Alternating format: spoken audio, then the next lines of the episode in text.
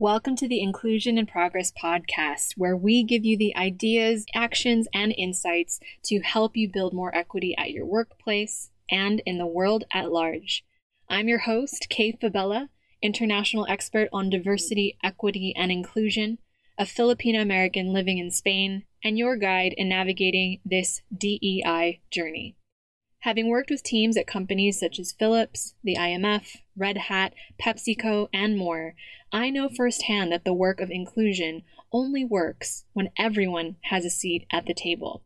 Regardless of your personal entry point into this conversation, your race, ethnicity, gender, ability, age, sexual orientation, country of origin, or educational background, we all have a role to play in creating inclusion for all. And it starts with us having conversations we need to create the change we wish to see. So let's dive into today's episode.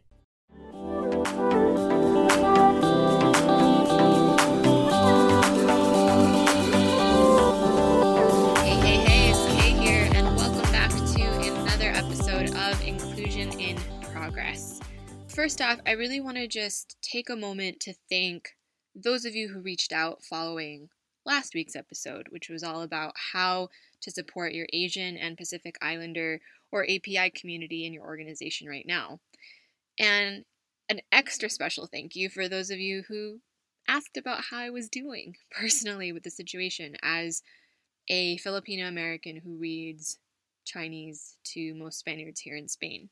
And for those of you who have any questions regarding an episode or who would like to continue the conversations that we start here, please connect with me on LinkedIn. It's where I share my weekly insights, any information that I gather with the work that I do with clients, the white papers that we write, and of course, inclusive best practices. And it's easily the social media platform I'm most active on these days. So just type in my name, uh, K A Y Fabella, F as in Frank, A, B as in boy, E L L A, Fabella, and I should come up as one of the first results, if not the only result. Bonus points if you include a message with your connection request saying that you came from listening to this podcast. I truly appreciate it. And I'll admit, last week's episode was a pretty tough one to record on a personal level. It was very challenging for me to dive into something that's still very new for me to unpack as part of my identity, as part of my heritage, and really addressing the importance of the need for intersectionality within DNI conversations, even amongst practitioners like myself and experts within companies. The greatest lesson I've learned as a human and as someone now hired to advise organizations on diversity and inclusion is this shift from no but to yes and in my conversations. Yes, parents are struggling with caregiving and homeschooling children in the pandemic. And there are also over 42 million Americans who don't even have access to broadband internet, making it harder for them to work from home even if they had the option. Yes, black and brown communities in the US are dying because of pre existing conditions and generations of systemic inequality. And Filipino doctors and nurses who became medical professionals as a result of our colonial history under the US are also dying in mass too. Yes, employees are struggling with grief and trauma and isolation working from home, especially timely given this is Mental Health Awareness Month. And so are neurodiverse or physically disabled folks who've been advocating for flexible working for years before this pandemic hit. So you see, conversations around diversity, equity, inclusion, and the latest member of the pack, belonging, cannot happen in silos, especially not now. Meaningful, solution focused dialogue cannot happen if we focus on the oppression Olympics of who has it harder, especially not when people's lives and livelihoods are literally hanging in the balance. And after speaking with different key stakeholders in big tech organizations like Amazon and Google and Tesla, one of the key takeaways I had is that this pandemic has brought to light the need for intersectionality in DNI work more than ever. Because if we're going to emerge from this challenge stronger than we were, we can only do so together. Which leads me to the topic of today's conversation how to leverage your ERGs or employee resource groups for your remote teams.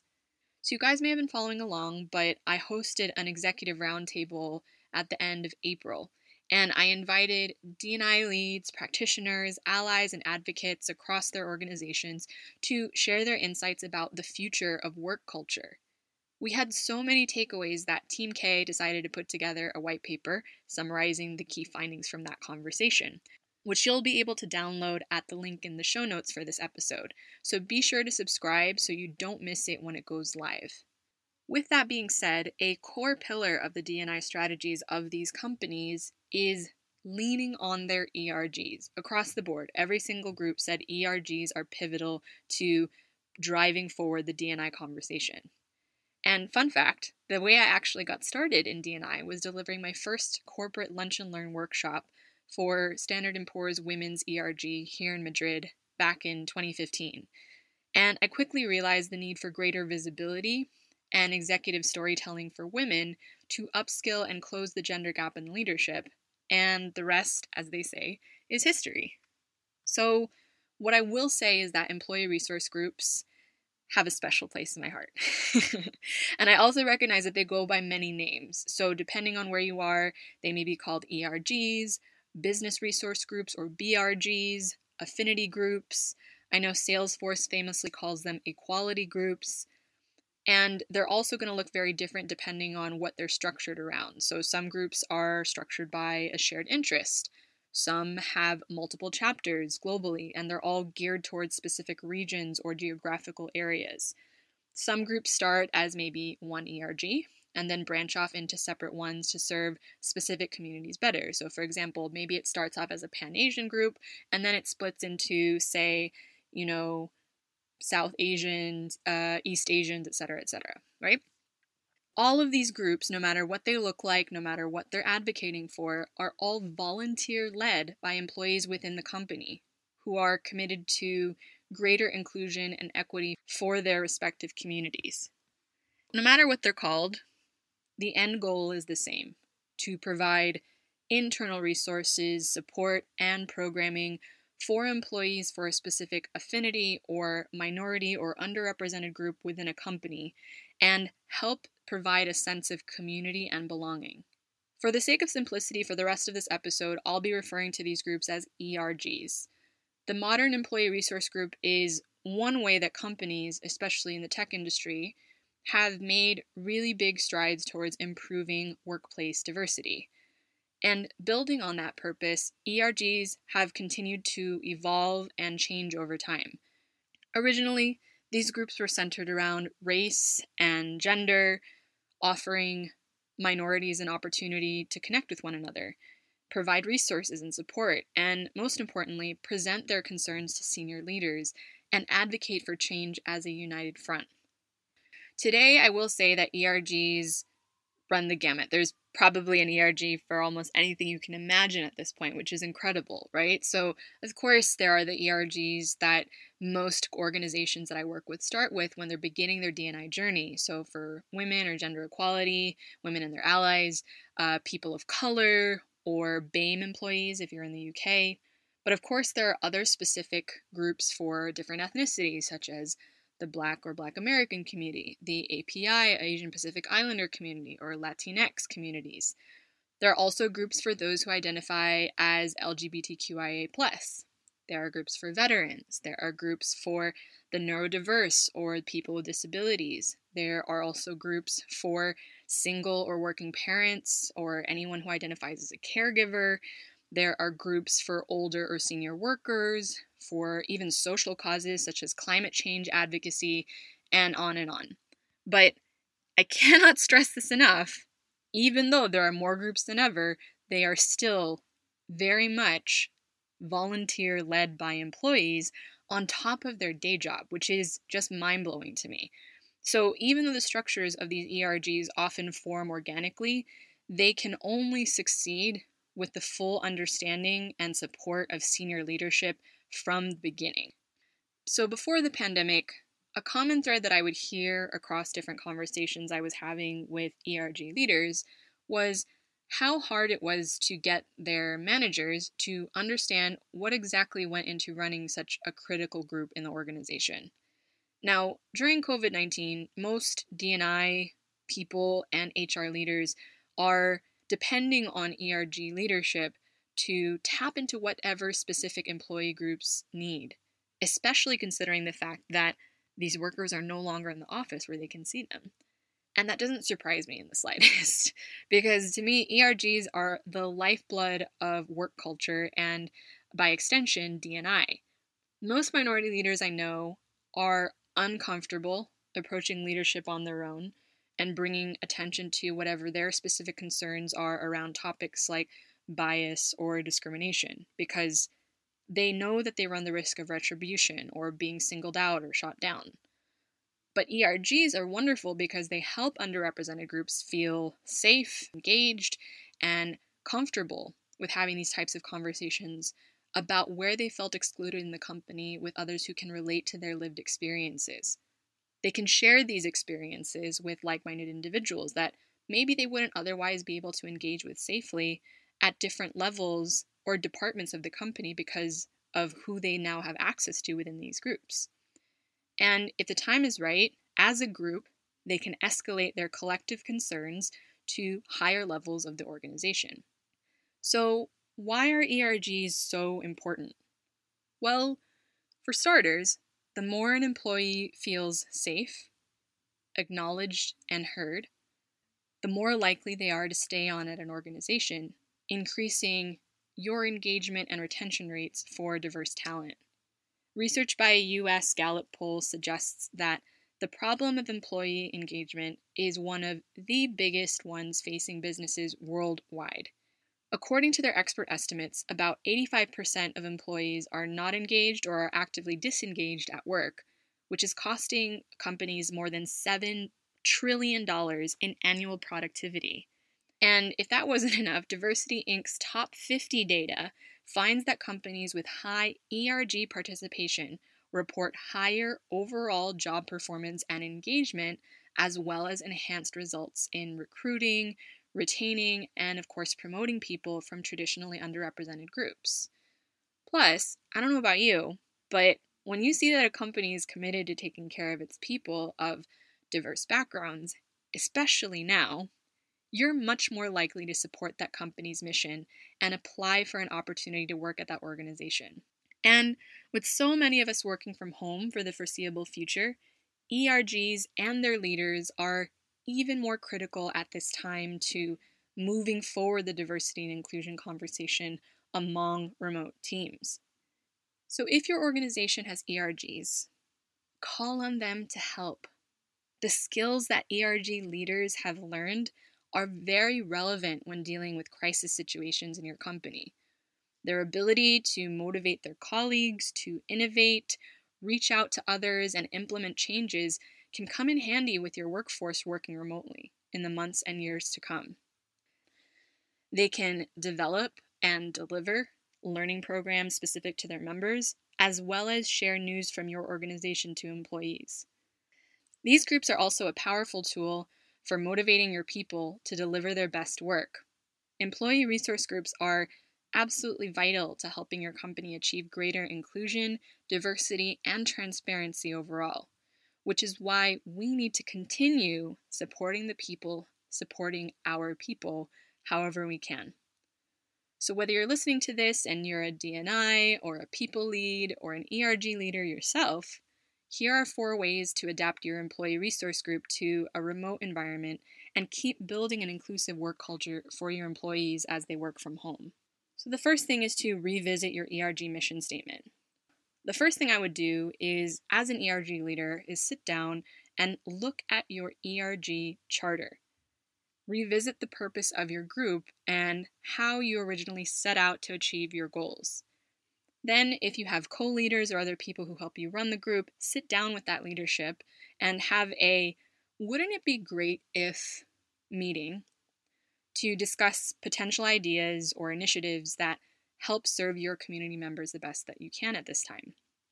One of the reasons I love this exercise of wouldn't it be great if is that it allows you to kind of imagine all of the things that you maybe had been thinking of or didn't even realize that you could imagine as a future possibility until somebody asks you the question, right? And so you can go around the room a couple of times with all your senior leaders in the ERG and write down and record these ideas somewhere and then go through them one by one once you're finished brainstorming and look at what you can all realistically commit to. Then, what I would do is compare that Imagine list of ideas for programming and goals that you had for your ERG with the ones that you originally had for the coming weeks or months. Going through your pre pandemic agenda and reviewing everything one by one, deciding what can stay, what can be tweaked, and what can be prioritized at a later date so that you can accommodate for the needs of your group right now. Once you've exhausted your ERG's list of ideas and initiatives, create an anonymous survey to send out to your members, and of course, get their feedback on what they'd like to see from your group moving forward. Your group cannot evolve, especially for the times that we're in, without the full consent and cooperation of all of your members. So remember to loop them into the conversation as you redefine your mission statement for our virtual world. Set a deadline and give everyone a chance to contribute. And then, once you have all of that in place, adapt and share the new mission statement and programming with all of your members and key stakeholders once it's been finalized. So, after you revisit your mission statement, the second step is to communicate with your community. Given that we're mostly working remotely these days, the last thing you want to do is bombard inboxes of your team members. Anyone have inbox fatigue? I know I do. so, before you set up a communication protocol, I would suggest that you decide upon three things. First is how frequently you're going to be sending emails to your ERG members. Next, the content and what constitutes an email blast. Obviously, you can absolutely send upcoming reminders about events, but consider that you don't need to send, oh, the four or five that you would usually if you were in the office or whatever you had in place before. And finally, decide what types of emails you're going to be sending. Could they be five bullet point updates once a week? Will they be monthly stories highlighting the achievements of your ERG members? Will they be links to relevant resources or videos from your senior leadership? Setting up a clear communication protocol is helpful. Not only are you clear on what emails you're going to need to send out and when, you're also making sure that your ERG members continue to open them to read the relevant information that you're sending. Another thing I would consider in your communication protocols is using a multi layered tool like Google Suite, for example, to manage all of your communications in one place. Now, I'm a Google fan, and that's not just because I've gotten to work with Googlers before. if it's in accordance with your company's privacy and compliance policies, I highly suggest using something like Google's G Suite tool to streamline all of your ERG's communication in one place. Because G Suite honestly has everything you need. You can create a Google group so that your members can connect online but in a separate container away from the office. You can use Google Docs to brainstorm and type ideas together on a shared agenda on a group call. You could share upcoming events with members using Google Calendar and including a Google Meet link that only invitees can see. You could use forms to send surveys to your members about the resources that they'd like to see. And of course, you can upload and share your relevant files, email templates, and more with your ERG while limiting access on specific files to your leadership team to ensure privacy. Now, I don't know about you, but as someone who is relatively tech savvy, I like it when I can use one tool for multiple functions rather than having to be on a bunch of different platforms. So definitely look into that if you're able to. And also, as I shared on episode 21 on how to be a better remote manager, there is also a difference between types of communication, specifically synchronous and asynchronous communication. One requires you to respond to messages instantly, and the other allows you to respond when you are free after prioritizing your different assignments or projects or meeting deadlines. And the same applies to your ERG members. As much as we would all love to see each other in an office setting, it's much more helpful to reframe technology as an add on and a benefit to help further your group's mission while allowing folks to bring their whole selves to work in ways they may not have been able to otherwise. That's why I love tools like Slack. You can foster communication by creating very specific channels for your ERG to have topical discussions, but that way it never gets lost and people know where to go to talk about those topics. So, some standard channels that I recommend adding are the following. You can look at the general channel, where you share announcements and reminders about upcoming events, general questions such as who's attending the all hands meeting, or company announcements from your senior leadership that you want to pass on to your members. Another channel is the Ideas channel, where you can crowdsource ideas from your members for future events, initiatives, and resources. Another channel to add is the Recorded Calls channel, where you can share recordings from your ERG's virtual events by quickly linking the video from your ERG's Google Drive folder and allow your current and future ERG members who couldn't attend live to be able to watch the replays and see what your group's about. Another option is the Story Share channel or the Roll Call channel, where you can encourage members to share their more intimate bios and stories and even their specific roles that they're working on with one another in the company. It also encourages two way dialogue between members who share similar interests and potential synergies. The last one is the social channel, which is pretty self explanatory. on this channel, I've seen more introverted employees connect with one another to have one on one FaceTime lunches with one another from their apartments or from their homes. You could also sometimes see pet selfies or funny kid photos, and the list goes on. Over time, as the leadership facilitating these conversations in your ERG, you'll probably start to see some common topics on this thread. So, this social channel can actually be sectioned off into even more channels specifically around different topics. So, there could be recipe sharing or fitness and well being ideas, mindfulness, meditation, and mental health resources, podcast recommendations, and more. I love virtual tools like this for teams because it helps you feel connected while working remotely, and I encourage you to implement something like Slack for your ERG too. So everyone can feel a sense of belonging, safety, and community while they're apart. And if you are an ERG leader struggling to translate your group virtually as a newly remote team, please get in touch with me at the link in the show notes. Many of you who've reached out to me have expressed worries that the progress that we've made around inclusion may fall by the wayside in this new situation that we're dealing with. And it is challenging, but we can't afford to leave diversity and inclusion behind, especially when it comes to the role of employee resource groups in driving the DNI conversation forward. So, if you need help adapting your key programming and initiatives for your ERGs and keeping inclusion top of mind in your organization while you're working from home, book your free call with me at the link in the show notes or head to kayfabella, that's kayfabella.com. So, another thing to consider is reaching out to other ERG leaders. So, for an unprecedented crisis like, I don't know, say a pandemic, you need all hands on deck to find solutions that benefit your teams and your communities as a whole. So, if you have other ERGs at your organizations, reach out to other leaders. Ask them what's working, what isn't, and share resources with one another. You could even meet once a month or start your own Slack channel to keep sharing ideas with one another based on the experiences you're seeing in each of your respective groups. Before we were all forced to work remotely, one of the things I used to hear from other DNI practitioners and company leaders was the need to take conversations about diversity and inclusion out of silos. Now we actually have an opportunity to do that. The rules are out the window. This playbook can be rewritten. So lean on others in your organization as your besties and cheerleaders. no one understands your challenges and desires as an ERG leader at your company better than another ERG leader at your company, after all, right?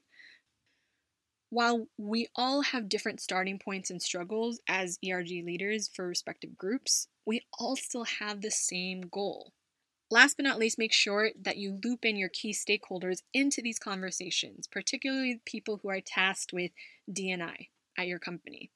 Let them know what you're up to, what you and your ERGs and your members need.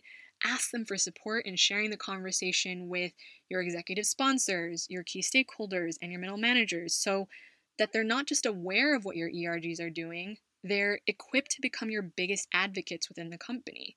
So use that opportunity to create even more transparent feedback channels within your organization that can continue to be leveraged even after we go back into the office.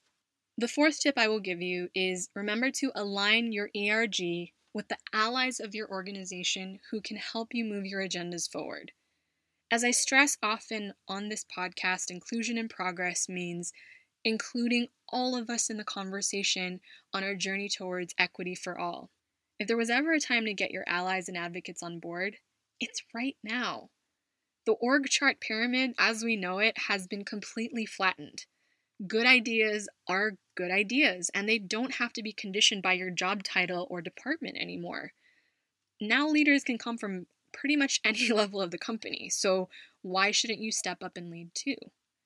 That includes taking the initiative to share what your ERG is going through, the importance of your work as a group leader, and elevating those conversations to lead company wide change. After every ERG leadership meeting or major update from your groups, make sure to reach out to your executive sponsor. Give them key takeaways that you'd like them to share on your behalf with senior leaders. Even invite C suite leaders and board members to participate in something like a video campaign filming these brief clips of themselves standing in solidarity with what your ERG's mission is, with your community, and with their commitment to inclusion and belonging at this time. There are so many ways you can leverage our current work from home situation to keep the DNI conversation going. But the only way you can show the value that your ERG is bringing to the company is by making others aware of the powerful work you're doing to keep the organization moving in crisis. So, there you have it how you can adapt your employee resource group by taking your initiatives, communication, and programming virtually and continuing to support the communities that depend on you. One, revisit your ERG mission statement and adapt it to your existing situation and goals. Two, set up clear virtual communication protocols with your ERG members.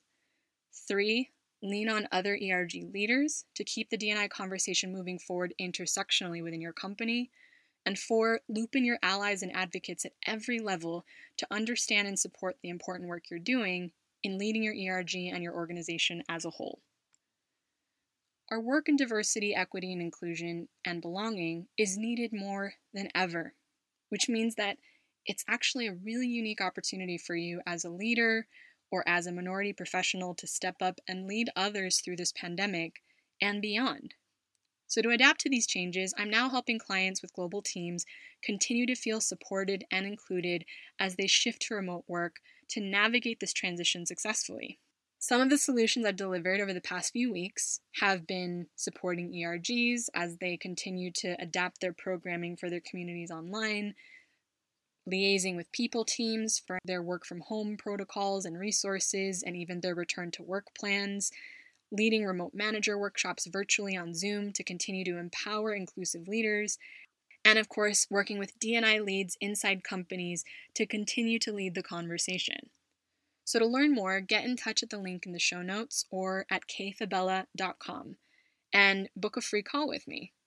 We can discuss a virtual solution that's tailored to you, your team, and your company's needs. Until then, Please be well, take care of yourself, and if you ever need anything, feel free to reach out to me directly at info at kayfabella.com or on LinkedIn. I read each and every message that comes through, and I'm here to be a resource for you right now. Thank you again for tuning in, and I'll see you back here next week for another episode of Inclusion in Progress.